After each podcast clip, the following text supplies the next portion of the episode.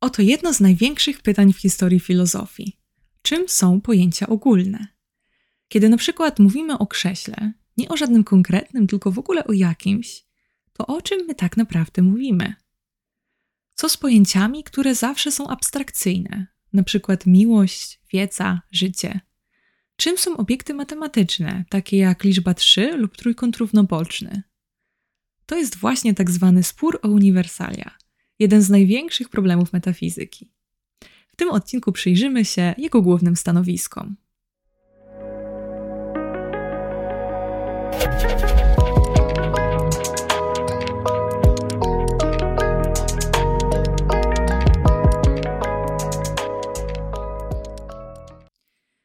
Dzisiaj będziemy omawiać bardzo filozoficzny, bardzo techniczny problem. Będzie wymagał od nas większego skupienia i abstrakcyjnego myślenia, ale obiecuję, że warto. Temat ten wygrał w głosowaniu patronów, co świadczy o zainteresowaniu tym tematem. Jednak zdaję sobie sprawę, że jest to temat specyficzny, który niektórych interesuje bardziej, a niektórych mniej. Filozofia jest tak różnorodna, że łączy ludzi o bardzo różnych zainteresowaniach i tendencjach. Jeżeli ktoś temat ten już uznaje za fascynujący i nie może się doczekać, to witam na pokładzie. Cieszę się, że jesteście. Jeżeli ktoś ma jeszcze wątpliwości, pozwolę sobie Was zachęcić. Temat, który będziemy dzisiaj omawiać, pomoże nam otworzyć nowe perspektywy na naturę świata, poćwiczy nasze abstrakcyjne myślenie i da nam nowe kategorie myślenia, które będziemy mogli zastosować do innych problemów filozoficznych. Temat ten jest trochę jak taka praktyczna podstawa dla filozofii. Tak samo jak nie można tańczyć baletu bez rozciągania, tak samo nie można dobrze uprawiać filozofii bez rozciągania naszego mózgu. Mam nadzieję, że to urocze porównanie jest zachęcające. Jeszcze jedna sprawa. Dzisiaj przyjmujemy nieco inny styl wykładania filozofii. Wyróżnia się takie dwa sposoby nauki filozofii: historyczny i problemowy. Historyczny polega na tym, że wykłada się po prostu historię filozofii, od starożytności, kto kiedy powiedział co. Duży nacisk kładzie się tam na nazwiska, daty, ciągłość historyczną, biografię. Podejście problemowe skupia się za to na samych problemach filozoficznych. Opisuje problemy i różne stanowiska w jego sprawie, ich argumenty i kontrargumenty. Bardziej przypomina więc sposoby nauki innych dyscyplin, gdzie po prostu poznaje się przede wszystkim obecny dorobek wiedzy, a nie jego historię. U nas w Polsce dominuje to podejście historyczne, ale nie jest tak wszędzie. W tym podcaście my trochę mieszamy i dzisiaj akurat odcinek będzie taki stricte problemowy. Zbadamy jeden konkretny problem i stanowiska z nim związane. Ale nawiążemy także do jednego filozofa, do którego nie nawiązanie tutaj byłoby przestępstwem. Zanim zaczniemy, chciałabym podziękować patronom i patronkom podcastu za to, jak doceniacie filozofię po prostu oraz pracę, która się na nią składa. Za wasze wsparcie, szczodrość, entuzjazm, ciekawość i naprawdę, naprawdę miłe słowa w stronę podcastu, które dodają mi ogromnej motywacji. Do grona patronów dołączyli ostatnio Michał, Kasia, Natalia, która tutaj wróciła, i Sebastian, który także wrócił, Nikolina, Paweł, Rafał, Konrad, drugi Michał, drugi Sebastian, trzeci Michał, popularne imię, drugi Rafał, Cezary, Mikołaj, Bartosz, Aleksandra oraz patroni i patronki anonimowe. Bardzo Wam dziękuję, ponieważ ten podcast powstaje dzięki Wam. Jeżeli Ty także chcesz dołączyć do grona wspierających podcast patronów i patronek, możesz to zrobić na patronite.pl ukośnik filozofia po prostu. A teraz zaczynamy. Zacznijmy od anegdoty. Tytuł tego odcinka to Czym jest idea krzesła? I brzmi to zabawnie, ale za tym stoi pewna historia, czy też y, nawiązanie, że tak powiem.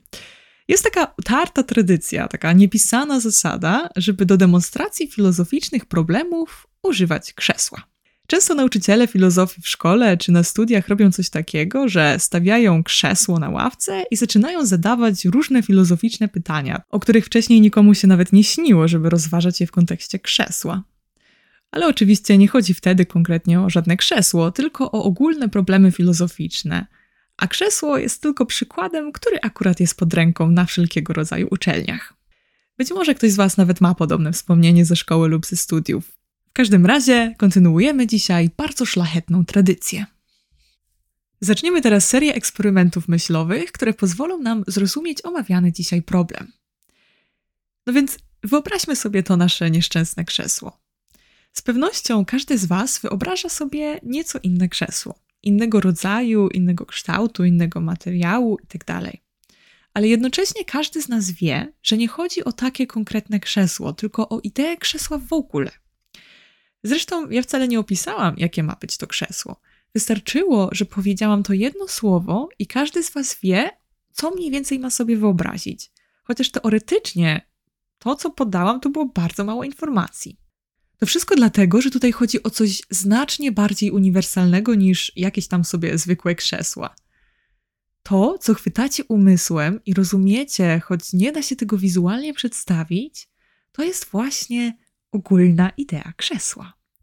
Coś, co wszystkie krzesła na całym świecie mają ze sobą wspólnego, to coś, co czyni je krzesłami.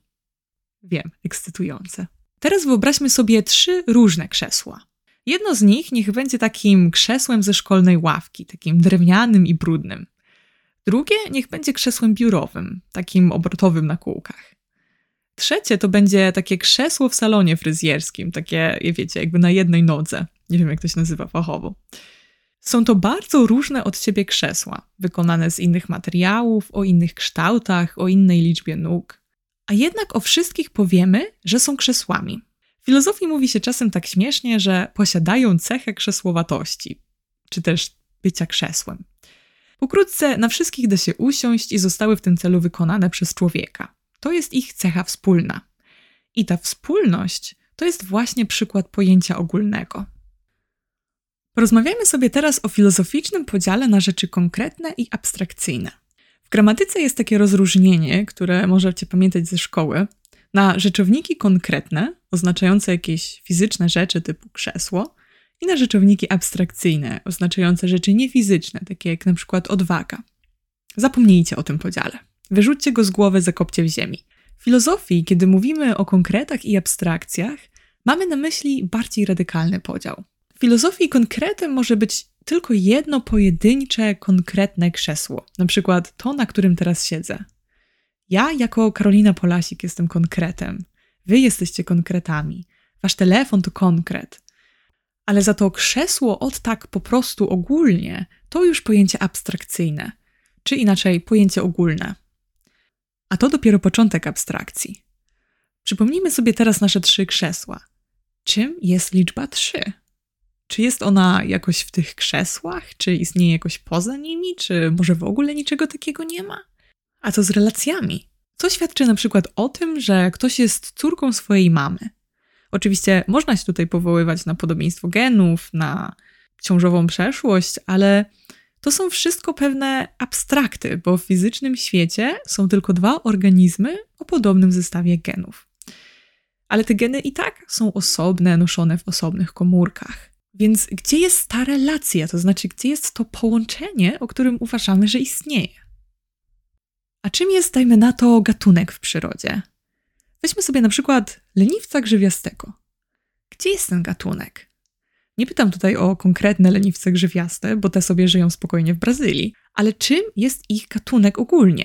W fizycznym świecie są przecież tylko konkretne organizmy i niektóre są bardziej do siebie podobne niż inne, ale to wciąż są oddzielne organizmy z oddzielnymi częściami ciała itd. Tak I jeżeli powiemy, że dwa osobne leniwce grzywiaste reprezentują jeden gatunek leniwca grzywiastego, to gdzie jest to coś, co one mają wspólnie reprezentować?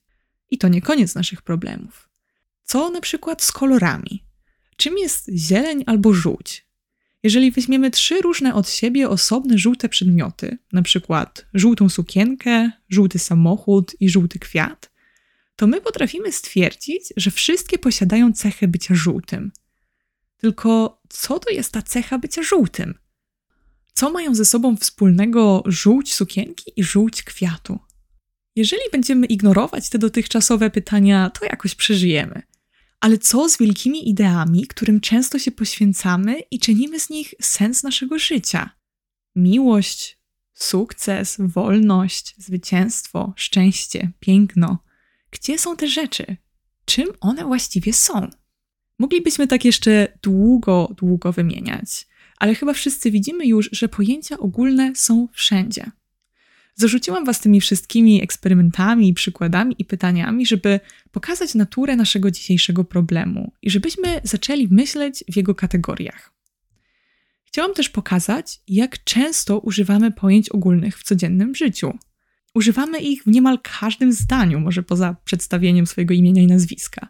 Na przykład, w życiu najważniejsza jest wolność. Co to życie? Które życie? Czyje życie? Co to wolność? Czyja wolność? Jaka wolność?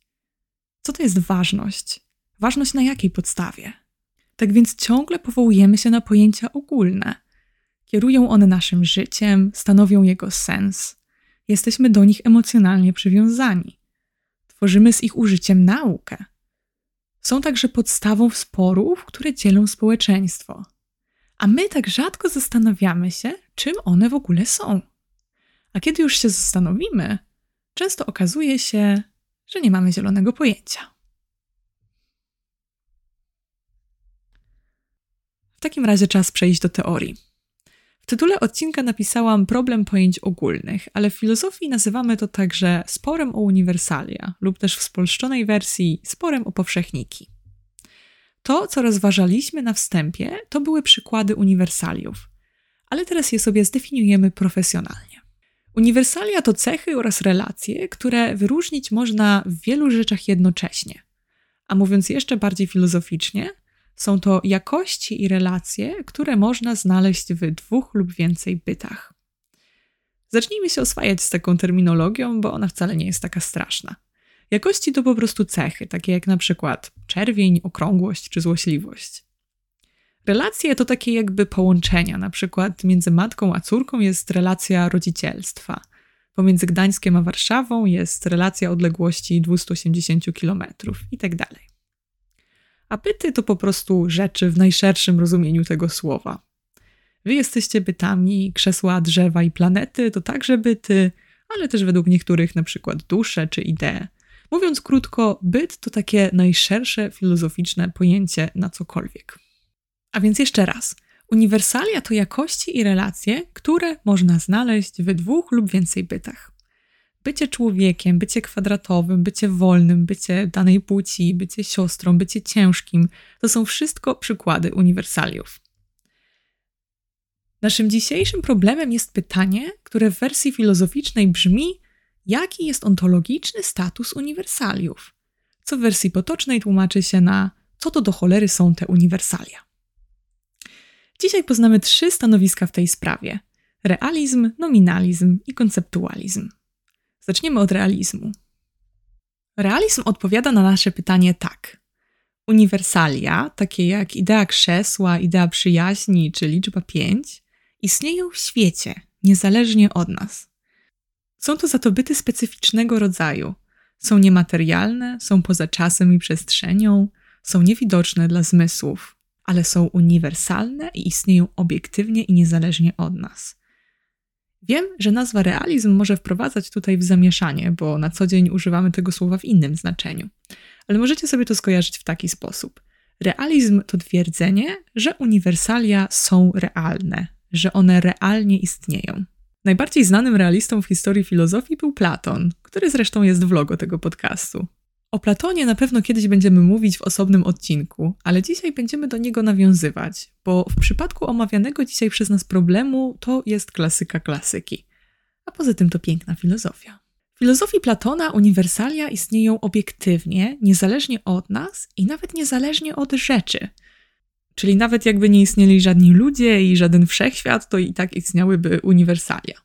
Platon uważał je za pewnego rodzaju byty idealne, służące za wzór dla materialnego świata i nazywał je ideami. Idee są uniwersalne, ponadczasowe, pozaprzestrzenne i niezmienne. Za to konkretne fizyczne rzeczy, jakie obserwujemy w naszym świecie na co dzień, są tylko marnymi kopiami tych idealnych wzorców. Podejdźmy do tego za pomocą bardziej współczesnej metafory. Wyobraźmy sobie, że mamy komputerowy model naszego krzesła w 3D. Nasz model jest czysto wirtualny. Jest niematerialny, pozaprzestrzenny i pozaczasowy, w tym sensie, że każdy z nas mógłby odtworzyć na swoim komputerze ten sam model w każdej chwili. I teraz, jeżeli mamy drukarkę 3D, Możemy wydrukować na niej tyle kopii tego modelu, ile nam się podoba. Możemy je nawet wydrukować na różnych drukarkach na całym świecie. I te kopie będą już innego rodzaju bytami. Będą materialne, konkretne, zniszczalne, zajmujące określoną przestrzeń. Mówiąc krótko, będą to fizyczne obiekty stworzone na wzór pewnego wirtualnego, uniwersalnego wzorca. I podobnie jest z platońskimi ideami, na których wzorują się fizyczne rzeczy materialnego świata. Z tą różnicą, że to nie my tworzymy te idee, tylko one po prostu istnieją w świecie. Pojawia się naturalnie pytanie, gdzie one miałyby istnieć. Sam Platon pisał o takiej jakby niebiańskiej przestrzeni dla idei. Generalnie stanowiska realizmu twierdzą, że jest właśnie taki inny poziom rzeczywistości, na którym znajdują się idee, albo że stanowią one taką jakby idealną podstawę dla świata. Trochę tak jak z prawami fizyki, są jakby wszędzie i nigdzie, ale działają. Platon przedstawił taką piękną metaforę zwaną metaforą jaskini. Mówi ona, że jesteśmy niczym więźniowie jaskini przykuci do jednej ściany. W jaskini pali się ognisko, a za nami, poza jaskinią, znajdują się prawdziwe rzeczy, których my nigdy nie widzimy, ponieważ jesteśmy zmuszeni być od nich odwróceni. Możemy obserwować jedynie cienie rzucane przez te rzeczy na przeciwległą ścianę jaskini. W metaforze tej prawdziwe rzeczy to idee. Cienie to rzeczy materialnego świata, a łańcuchy to nasze przywiązanie do zmysłów, które odciąga nas od tego, co prawdziwe. A prawdziwe są idee, które można oglądać jedynie umysłem. Platon nazywał to nawet ładnie okiem umysłu. I to jest właśnie bardzo ciekawa część teorii realizmu, że my możemy idee oglądać bezpośrednio przez nasze wnętrze. Kiedy myślimy o takich ideach jak człowieczeństwo, pływanie, wolność, wysokość, liczba pięć i tym podobne, my jakby oglądamy, czy też jakby dotykamy umysłem pewne uniwersalne, wieczne, niezmienne ideały, na podstawie których stworzony jest świat. Zawsze urzekało mnie piękno tej perspektywy na świat. Zachwyciła mnie już za pierwszym razem, kiedy poznawałam historię filozofii. I to właśnie na pamiątkę tego sentymentu w logo filozofii po prostu zakościł Platon. No dobrze, może to być i piękna teoria, ale czy prawdziwa? Ja Wam oczywiście na to nie odpowiem, zadecydujcie sami. Przedstawię Wam za to główne argumenty za i przeciw. Ogólnie rzecz biorąc, realiści uważają, że musimy uznać istnienie takich bytów jak uniwersalia, żeby wyjaśnić świat. Bo w świecie ewidentnie są podobieństwa. I my ewidentnie posiadamy idee ogólne, więc coś jest na rzeczy. Nie można tego sobie tak po prostu wymazać. Realiści twierdzą, że jeżeli jesteśmy w stanie myśleć o ideach ogólnych, jeżeli rozumiemy znaczenie pojęć ogólnych, takich jak przyjaźń czy odwaga, to one muszą istnieć, ponieważ myśli muszą być o czymś i znaczenia muszą coś oznaczać. Rozpakujmy sobie to twierdzenie.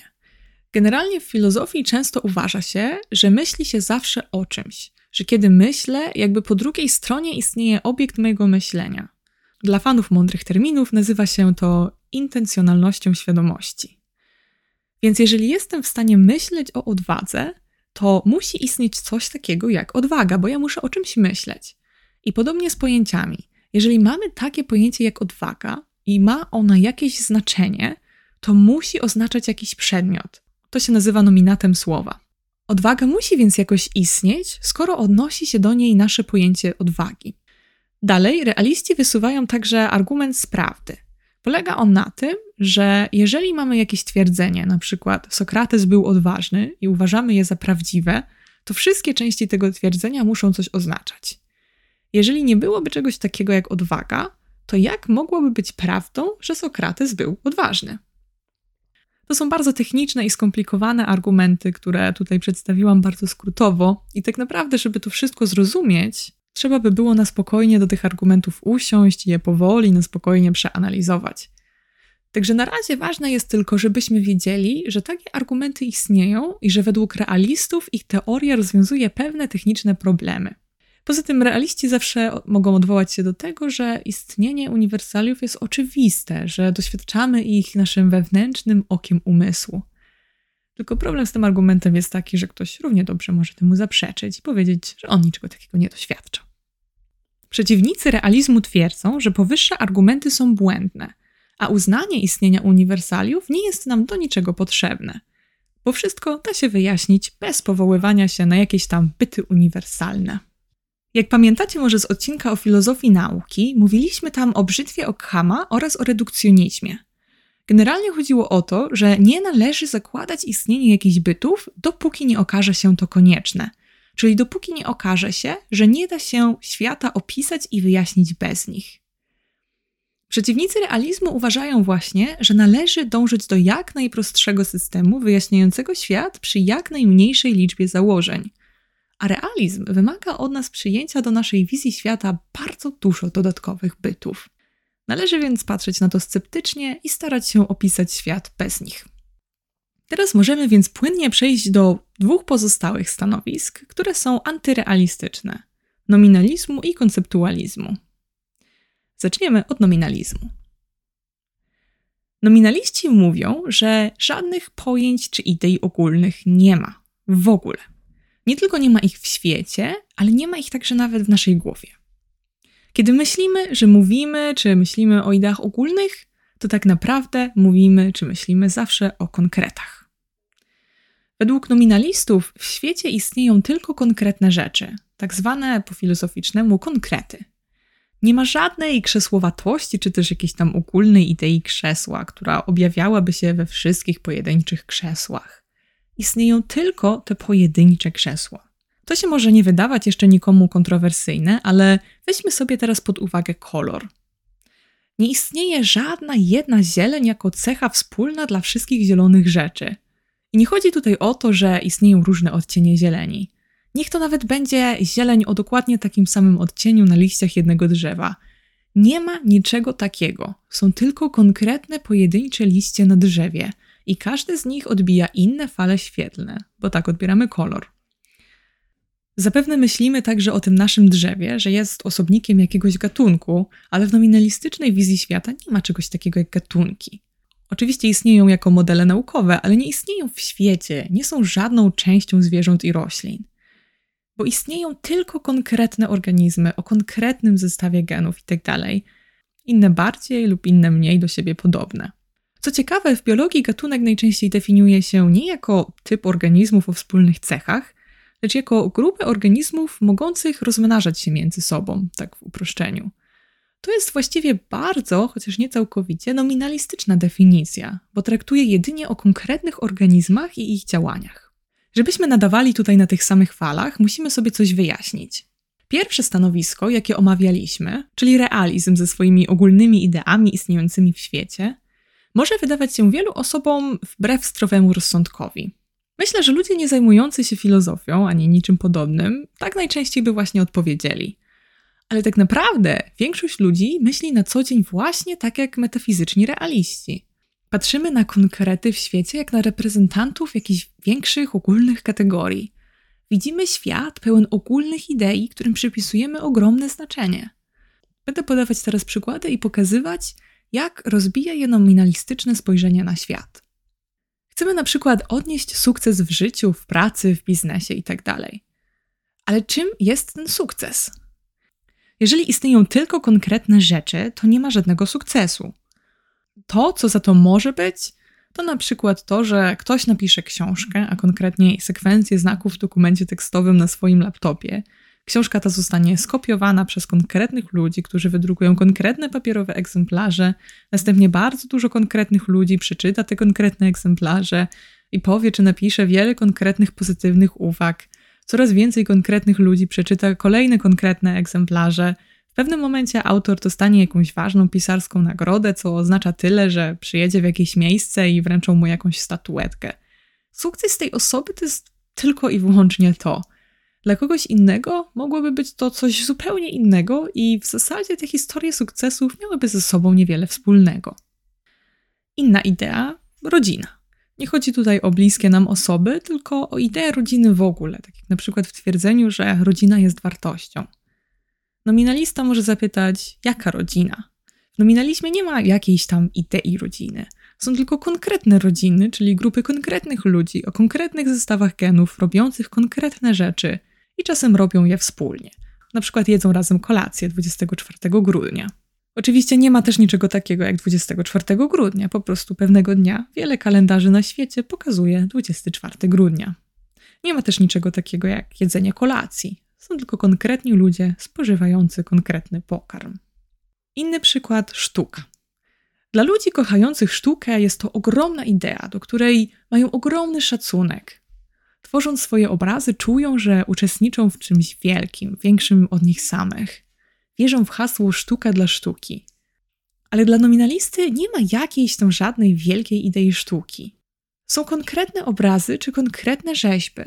Są też konkretni ludzie zbierający się w konkretnych miejscach i wypowiadający konkretne wypowiedzi typu otwieramy wystawę czasową renesansu florenckiego z przełomu XIV i XV wieku i tak. Inny przykład to płeć. Na tym przykładzie najlepiej zobaczymy, jak bardzo nominalizm różni się od tego, jak myślimy na co dzień. Ale najpierw musimy sobie coś wyjaśnić. Zaraz powiem takie kontrowersyjne twierdzenie, że w nominalistycznej perspektywie na świat nie ma płci. To jest bardzo ważne, aby nasze umysły nie ześlizgnęły się tutaj w pole polityki i problemów społecznych, bo tutaj po prostu nie o to będzie chodziło. To nie będzie poprawne rozumienie tego, o czym aktualnie mówimy. Wiem, że słowo płeć bardzo kusi nasz mózg, żeby automatycznie wpaść na poziom polityczny, ale ten poziom polityczny jest bardzo daleko ponad nami, gdzieś tam na powierzchni, a my siedzimy aktualnie w głębi natury rzeczywistości i zastanawiamy się, czy istnieją idee ogólne. Także miejmy to na uwadze i skupmy się uważnie. A więc, ciągle mówimy o płci. Myślimy o ludziach, że reprezentują jakąś płeć. Mówimy też o kobiecości i o męskości jak o czymś, co jest w ludziach. I nie tylko w ludziach, ale też czasem w rzeczach lub zajęciach. To jest myślenie w stylu realizmu, o którym przed chwilą mówiliśmy. To w realizmie uznajemy istnienie abstrakcyjnych idei, a więc jest w nim miejsce na takie byty czy idee jak kobiecość czy męskość, w jakiś sposób niezależne od ludzi i rzeczy. Można wtedy mówić, że na przykład kobiety łączy ich wspólna płeć, czy też kobiecość. I w realizmie to jest bardzo dosłowne. Ta płeć żeńska, czy też kobiecość naprawdę je łączy. Ona jest w nich jedna i ta sama. Co więcej, istnieje ona przed konkretnymi kobietami, czyli tak jakby wyznacza pewien wzór kobiety jako takiej. Ale w nominalistycznej wizji świata nie ma miejsca na nic z tego. Istnieją tylko konkretni ludzie, składający się z konkretnych części ciała, robiących konkretne rzeczy, używający konkretnych przedmiotów. Tak jak już mówiłam, to nie jest twierdzenie polityczne, ani nawet biologiczne, tak jak się dzisiaj dyskutuje o płci. Nominalizm sam w sobie nic nie mówi o tym, jak ma funkcjonować społeczeństwo, ani też nie twierdzi, że nie ma żadnych naukowych podstaw do mówienia o płci. Mówi jedynie, że nie istnieją idee ogólne, czyli nie istnieją te uniwersalia. I że konkretne rzeczy nie dzielą żadnych uniwersalnych, abstrakcyjnych cech istniejących jako jakieś tam niezależne byty zwane uniwersaliami. W tym sensie w nominalizmie nie ma płci, bo nie ma żadnej abstrakcyjnej przestrzeni, w której taka ogólna idea jak płeć mogłaby sobie wisieć, i ludzie nie uczestniczą w żadnej dosłownie wspólnej im uniwersalnej idei. Istnieją za to konkretni ludzie, których można sobie grupować. Możemy na przykład wydzielić grupy ludzi z chromosomami XX i XY i nazwać te grupy takimi sekwencjami dźwięków czy liter, jakie nam się podobają. Ktoś może tutaj powiedzieć, że przecież chromosomy to nie jest jedyna rzecz, która składa się na płeć. Ale taka osoba wciąż myśli kategoriami realizmu. Zauważmy, że to twierdzenie o chromosomach nic nie wspomina o żadnej płci. I właśnie chodzi o to, że na gruncie nominalizmu taki zarzut jest pozbawiony znaczenia. Z nominalistycznego punktu widzenia i tak istnieją tylko konkretni ludzie, konkretne zestawy chromosomów itd. Tak I płeć to tylko jakieś tam uogólnienie, to jest taki termin określający zbiór ludzi spełniających jakieś określone przez nas warunki. W tym wypadku jest więc odwrotnie niż w przypadku realizmu. Najpierw istnieją konkretni ludzie i dopiero my potem tworzymy jakiś termin płci i jego definicję. Na przykład obserwujemy, że większość ludzi ma jeden z dwóch rodzajów układów rozrodczych, więc nadajemy nazwy na grupy ludzi spełniających ten sam warunek. Więc w nominalizmie to nie idee determinują konkretnych ludzi, tak jak w realizmie, tylko konkretni ludzie w pewnym sensie determinują ideę. Chociaż nominalista by raczej powiedział, że determinują słowa i definicje. Ogólnie rzecz biorąc, możemy ludzi grupować sobie jak chcemy, ale to jest tylko nakładanie na konkretnych ludzi grupujących okręgów. Tak jakby ktoś miał kartkę z wieloma kropkami i obrysował kilka z tych kropek jakimś okręgiem. Z perspektywy nominalizmu, takie ogólne pojęcia, które w jakiś sposób mają wiązać, powiedzmy, właśnie jakąś grupę ludzi, to są tylko takie okręgi.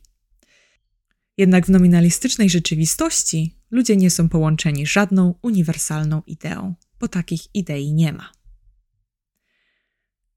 Na tym polegają tak zwany realizm i nominalizm płciowy. One same w sobie nie implikują żadnych poglądów politycznych ani moralnych. Ale powiedziałam też wcześniej, że nasza dzisiejsza dyskusja ma znaczenie dla tego typu problemów. I rzeczywiście ma, ale w bardziej skomplikowany sposób. Realizm nie jest sam przez się konserwatywny, a nominalizm nie jest sam przez się lewicowy. Ostrzegałam, żeby tak tego nie interpretować. Niemniej przyjęcie określonego stanowiska zmienia sposób, w jaki będziemy myśleć o innych problemach i argumentować inne stanowiska. Na przykład, w nominalizmie nie da się sensownie mówić o normach kobiecości i męskości, to znaczy normach rozumianych jako nakazach moralnych obowiązujących jednostki. No bo skąd miałyby się takie normy wziąć, skoro nie ma żadnych idei ogólnych? Można jednak na przykład być nominalistą i katolikiem, i wtedy te normy pochodzą od Boga. Dla filozofa a w tym wypadku także dla teologa, to ma znaczenie, bo to jest jednak coś innego niż gdyby te normy miały pochodzić z jakichś uniwersalnych, istniejących w świecie wzorów. Oczywiście tych kombinacji i różnego rodzaju teorii jest bardzo dużo i o filozoficznych perspektywach na płeć na pewno sobie jeszcze będziemy mówić i wtedy to sobie rozwiniemy, podamy więcej przykładów, więcej teorii itd. Tak I wtedy bardzo pomoże nam to, że już będziemy wiedzieć, co to realizm i nominalizm. Ja na razie chciałam podać właśnie jakiś taki nieco bardziej gorący przykład, żeby pokazać, że ten nasz dzisiejszy metafizyczny problem nie jest wcale oderwany od rzeczywistości i ma zastosowanie w bliższych naszemu ludzkiemu życiu współczesnych problemach. Zastanawiałam się, czy go poruszać, pytałam o to nawet patronów i w końcu stanęło na tak. I myślę, że to dobrze, bo nawet jeżeli kogoś akurat problem uniwersaliów sam w sobie tak fascynuje i jest dla niego znacznie bardziej interesujący niż problemy społeczne, to to jest wciąż bardzo dobry przykład, bo my tutaj wciąż mówiliśmy o problemie uniwersaliów tak naprawdę. Przykład płci był dokładnie taki sam jak przykład sukcesu czy przykład sztuki. Tyle, że tamte przykłady raczej nikim nie wstrząsnęły i raczej życia nikomu nie odmienią. Płeć za to to jest pojęcie ogólne, które ma dla nas znaczenie znacznie większe i leży w samym centrum naszego rozumienia świata. I dlatego przykład nominalistycznej perspektywy na płeć świetnie pokazuje, do jakiego stopnia nominalizm burzy i rozsypuje na kawałki nasze najbardziej nawet podstawowe rozumienie świata. Dlatego tak dobrze można na tym przykładzie zrozumieć nominalizm. On po prostu nie może wam przejść teraz bez echa. Tak więc nominalistyczna wizja świata rysuje świat bardzo sterylny, pełen konkretnych, niepowiązanych ze sobą przedmiotów. Na początku wydaje się zdroworozsądkowa, potem szokuje – ale po pierwotnym szoku można się przyzwyczaić i rzeczywiście spojrzeć na świat w ten nominalistyczny, sterylny sposób. Argumenty za nominalizmem to przede wszystkim argumenty przeciwko realizmowi, które już przedstawiałam. Największą zaletą nominalizmu jest wtedy jego redukcjonizm. To, że nie dodaje do świata żadnych dodatkowych bytów niż te, które można obserwować zmysłami. Stawia to jednak przed nominalistami wyzwanie – muszą zredukować cały dyskurs pojęć ogólnych do konkretów. Robią to na różne sposoby, jednak taka redukcja świata do konkretów staje się czasem bardzo problematyczna i przeciwnicy nominalizmu uważają, że jest ona niemożliwa. Ostatnie stanowisko, jakie dzisiaj omówimy, to konceptualizm. Konceptualizm jest czasem uznawany za rodzaj nominalizmu, a czasem jako osobne stanowisko będące pewnego rodzaju kompromisem między realizmem a nominalizmem.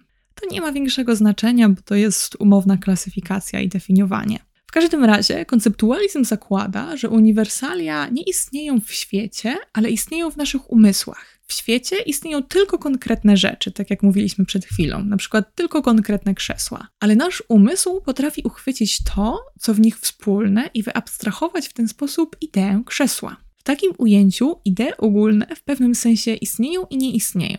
Istnieją, ponieważ są przez nas myślane i odzwierciedlają w pewien sposób świat, ale nie istnieją jako jakieś oddzielne byty w świecie. To odzwierciedlanie naszego świata jest tutaj bardzo ważne. Można porównać konceptualizm do mapy. Kiedy tworzymy na przykład mapę świata, ona jest ogromnym uproszczeniem geografii naszej planety. Choć wiemy, że jest ona niezwykle skomplikowana i bogata w szczegóły, to my tworząc taką mapę musimy wyabstrahować z niej tylko to, co najważniejsze, na przykład granice państw. I kiedy patrzymy na taką Polskę na globusie, wypełnioną na płasko jednym kolorem, na którym jest jedynie nazwa kraju i jedno miasto Warszawa, to my oczywiście wiemy, że Polska jest dużo, dużo bardziej skomplikowanym bytem. Tak skomplikowanym, że ta plamka na globusie ma z nią niewiele wspólnego. Ale my też wiemy, że to jest tylko uogólnienie. Tak samo jak uogólnione na tej mapie są na przykład Australia czy Kolumbia. I my w głowie też mamy taką mapę, tylko tym razem jest to mapa pojęć. Pojęcia ogólne pomagają nam otworzyć wielki i skomplikowany świat,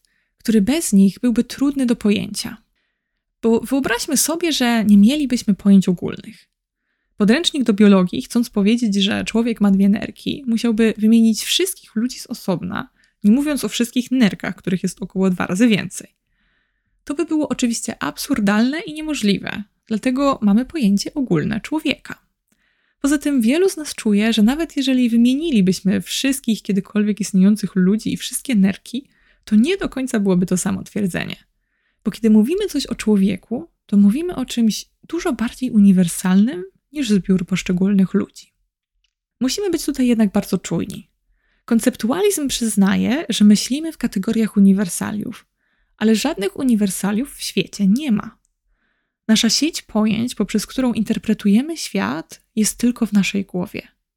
Ona z konieczności musi być uproszczeniem świata, ale im człowiek jest inteligentniejszy i im szersze ma horyzonty, tym lepiej ta sieć odzwierciedla świat, dokładniej i adekwatniej.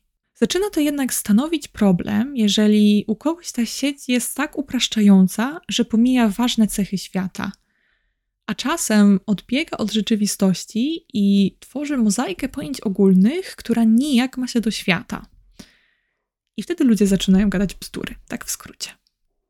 Ktoś może tutaj zapytać: No dobra, ale czy nie o to chodzi tym całym nominalistom? Jaka jest tutaj różnica? To jest pytanie zasadne. Ten podział nie jest taki sztywny, tak jak już mówiłam, i niektórzy uważają konceptualizm za rodzaj nominalizmu. Ale wciąż wtedy można zapytać, co w takim razie uważa ta reszta nominalistów. Czy zaprzeczają oni, że ludzie mają w ogóle jakieś ogólne pojęcia? No, trochę tak. Są wersje nominalizmu tak radykalne, że zaprzeczają jakiejkolwiek ogólności. Redukują pojęcia ogólne na wszystkie możliwe sposoby, byleby pozbyć się ich ogólności. To są dość skomplikowane zabiegi, więc nie będziemy się w nie dzisiaj zagłębiać. Chciałabym tylko, abyśmy wszyscy zdawali sobie sprawę, jak radykalnie szczegółowo można postrzegać świat. Poza tym, nominalizm często idzie w parze z bardzo specyficzną perspektywą na ludzki umysł, zwaną behawioryzmem. Na pewno kiedyś powiemy sobie o nim więcej, ale na razie w skrócie, behawioryzm to pogląd, że stany umysłu można sprowadzić do obserwowalnych zachowań ciała. Smutek to na przykład w takim ujęciu zespół dyspozycji do zachowań, takich jak dyspozycja do płaczu. Myśli to dyspozycje do wypowiedzi i tak dalej. Na początku to strasznie szokuje, ale kiedy zapoznamy się ze szczegółową argumentacją i oswoimy się z tą myślą, to nie jest aż takie szalone. W każdym razie ci, którzy patrzą na człowieka behawiorystycznie, bardzo nie lubią mówienia, że cokolwiek istnieje w umyśle. Konceptualizm za to wcale od tego nie stroni i pozwala uniwersaliom istnieć jako ideę umysłu. To były trzy perspektywy na problem uniwersaliów. Na początku omówiliśmy realizm, który pokazuje nam świat konkretnych rzeczy opartych na ogólnych, uniwersalnych ideach. Świat, w którym uniwersalna idea istniejąca poza przestrzenią i czasem może objawiać się w nieskończenie wielu konkretnych rzeczach. Świat, w którym wszystkie żółte rzeczy objawiają jedną, tę samą ideę koloru żółtego, a wszyscy ludzie wyrażają ideę człowieczeństwa. Jest to także świat, gdzie obiekty matematyki, liczby, idealne figury geometryczne czy wzory istnieją rzeczywiście i obiektywnie. Następnie omówiliśmy nominalizm, który rysuje świat poszczególnych, niezwiązanych ze sobą, osobnych, konkretnych rzeczy. Istnieją tylko one, ale ludzie interpretują świat na swoje zrozumiałe dla siebie sposoby. Na przykład grupują te konkretne rzeczy w klasy. Zbiory rzeczy żółtych lub zbiory ludzi i nazywają je sobie jakąś tam żółcią czy człowieczeństwem. Na końcu omówiliśmy konceptualizm, który tak samo widzi świat jako pełen osobnych, poszczególnych rzeczy, ale umysł ludzki potrafi dostrzegać w tym świecie podobieństwa i tworzyć abstrakcyjne idee na ich wzór. Chciałabym, abyśmy rozumieli, dlaczego to ważne. Niektórym ten temat wyda się sam w sobie fascynujący i ważny, i nie będą potrzebować dalszego uzasadniania dla jego wartości. Ale być może nie wszystkich tak bardzo interesuje, czy uniwersalia istnieją, czy też nie istnieją. Bo być może nie da się tego rozstrzygnąć i być może jest to spór bezproduktywny. Takie podejście także jest zrozumiałe, ale chciałabym tutaj powiedzieć jedno. Zrozumienie tego problemu i odmiennych stanowisk robi coś bardzo ważnego w naszej głowie. Przede wszystkim wzbogaca tę naszą siatkę pojęć, przez którą patrzymy na świat. Świat staje się bardziej różnorodny, bardziej skomplikowany i lepiej rozumiemy, jak mało rozumiemy. Zachęcam wszystkich do zrobienia sobie takiego eksperymentu myślowego, kiedy będziecie na przykład na spacerze w lesie. Pomyślcie wtedy najpierw jak realista. Wyobraźcie sobie, jak we wszystkich indywidualnych drzewach objawia się ta sama idea drzewa w ogóle, która jednoczy wszystkie konkretne drzewa. Spójrzcie na nie jak na fizyczne kopie tego samego uniwersalnego ideału. Następnie spójrzcie na las jak nominalista. Pomyślcie o tych wszystkich drzewach jak o rzeczach całkowicie od siebie osobnych. Każde drzewo jest odmiennym, osobnym kawałkiem materii i nie ma nic wspólnego z innymi drzewami. To, że na przykład w lesie sosnowym jest jakiś gatunek sosny, nie wynika z tego, że istnieje jakiś uniwersalny gatunek, z którego na wzór wychodzą konkretne sosny. Niczego takiego nie ma, a podobieństwa między sosnami wynikają po prostu z konkretnych procesów rozmnażania się konkretnych roślin, które akurat tak się toczą, że jest wiele podobnych drzew. Każda sosna jest więc czymś całkowicie osobnym i niezwiązanym z innymi sosnami, i dopiero człowiek przychodzi i mówi coś o jakimś gatunku. Następnie pomyślcie jak konceptualista. Spójrzcie na las i na swój umysł. O lesie dalej pomyślcie, że jest zbiorem osobnych, konkretnych drzew. Ale o swoim umyśle pomyślcie, że ma on piękną umiejętność dostrzegania podobieństw w tym wielkim, chaotycznym, skomplikowanym, szczegółowym świecie, a następnie tworzenia z nich idei, za pomocą których mapuje on świat w sposób uporządkowany, zrozumiały i uniwersalny. Dzięki temu, idąc lasem, nie widzicie po prostu oddzielnych kawałków materii o jakichś tam kształtach i kolorach, tylko widzicie drzewa, liście, gałęzie, ścieżki, mech, ptaki. Dzięki temu obserwowany świat ma dla Was sens. Podsumowując, rozumiejąc problem uniwersaliów, rozumiemy, na jak różne sposoby można spojrzeć na świat. Ale nie tylko. Pomaga nam to także w zrozumieniu innych problemów filozoficznych bo wszystkie filozoficzne problemy mają jakieś implikacje metafizyczne. A to dlatego, że świat jest jakiś. I jeżeli chcemy sensownie zastanawiać się nad jakąkolwiek jego częścią, to musimy rozumieć, jak to się ma do naszej szerszej perspektywy na świat. To znaczy nie musimy, ale wypada, jeżeli chcemy sensownie myśleć i nie mieć sprzeczności we własnym światopoglądzie. Ludzie prowadzą wiele zapalonych sporów o pojęcia ogólne, takie jak płeć, człowiek, osoba, życie, choroba i wiele innych, ale bardzo rzadko zastanawiają się, jak te pojęcia w ogóle działają i czym są. Nie chcę przez to powiedzieć, że podszkolenie z filozofii rozwiąże wszystkie problemy dzisiejszego społeczeństwa, bo wszystkie rozwiązania czekają sobie na nas wygodnie w problemie uniwersaliów. Oczywiście, że tak nie jest. Tym bardziej, że sam ten problem nie jest rozwiązany, a przyjęcie jednego rozwiązania wcale z automatu nie rozstrzygnie wszystkich innych dylematów. Chcę jedynie powiedzieć, że zrozumienie tego problemu daje nam nowe kategorie myślenia, którymi możemy efektywniej badać te problemy, formułować pełniejsze argumenty i prowadzić bardziej produktywne dyskusje. O problemie uniwersaliów opowiadała Wam Karolina Polasik, a to jest podcast Filozofia po prostu, w którym omawiamy znane i ciekawe idee filozoficzne. Mam nadzieję, że podobał Wam się taki problemowy odcinek, a poprzez problemowe mam na myśli to podejście do omawiania filozofii. Jeżeli Was on zainteresował i chcecie dowiedzieć się więcej, także o jego historii, W opisie odcinka zamieszczam listę potencjalnych lektur. Zanim się z Wami pożegnam, mam jedno ogłoszenie. Razem z Horyzontalnym Klubem Dyskusyjnym organizujemy w Warszawie drugą edycję Forum Filozofek. Jest to wydarzenie popularyzujące filozofię, na którym będziecie mogli posłuchać wykładów ciekawych i inteligentnych filozofek. Czemu akurat filozofek? Często dostajemy to pytanie. Tak w skrócie chodzi o to, żeby wychodzić na przekór stereotypowemu obrazowi filozofii jako męskiej dziedziny. Ja osobiście nigdy tak nie myślałam, bo mnie do filozofii wprowadziła kobieta, moja naprawdę niesamowita nauczycielka etyki ze szkoły, pani Ludmiła. Historię filozofii zaczęłam poznawać dzięki książce Świat Zofii, w której główną bohaterką jest dziewczynka poznająca filozofię. No i ja jestem kobietą. Myślę, że te osobiste doświadczenia, razem z moją częściowo wrodzoną i częściowo przekazaną mi wychowaniu ignorancją wobec konwenansów społecznych, zapobiegły kreacji takiego stereotypu w mojej głowie.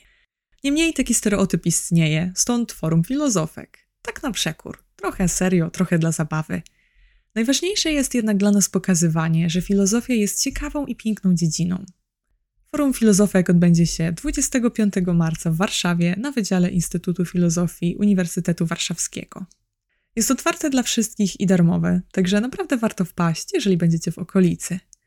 W opisie odcinka znajdziecie link do wydarzenia na Facebooku, gdzie znajdziecie więcej szczegółów i będzie mi niezwykle miło Was tam zobaczyć. Na dzisiaj to wszystko. Dziękuję wszystkim, którzy wysłuchali odcinka do końca, za Waszą uwagę i Waszą ciekawość. Trzymajcie się ciepło w te mroźne dni i pamiętajcie o tym, żeby patrzeć na świat na wiele możliwych sposobów. Tak jest dużo ciekawiej. Do usłyszenia.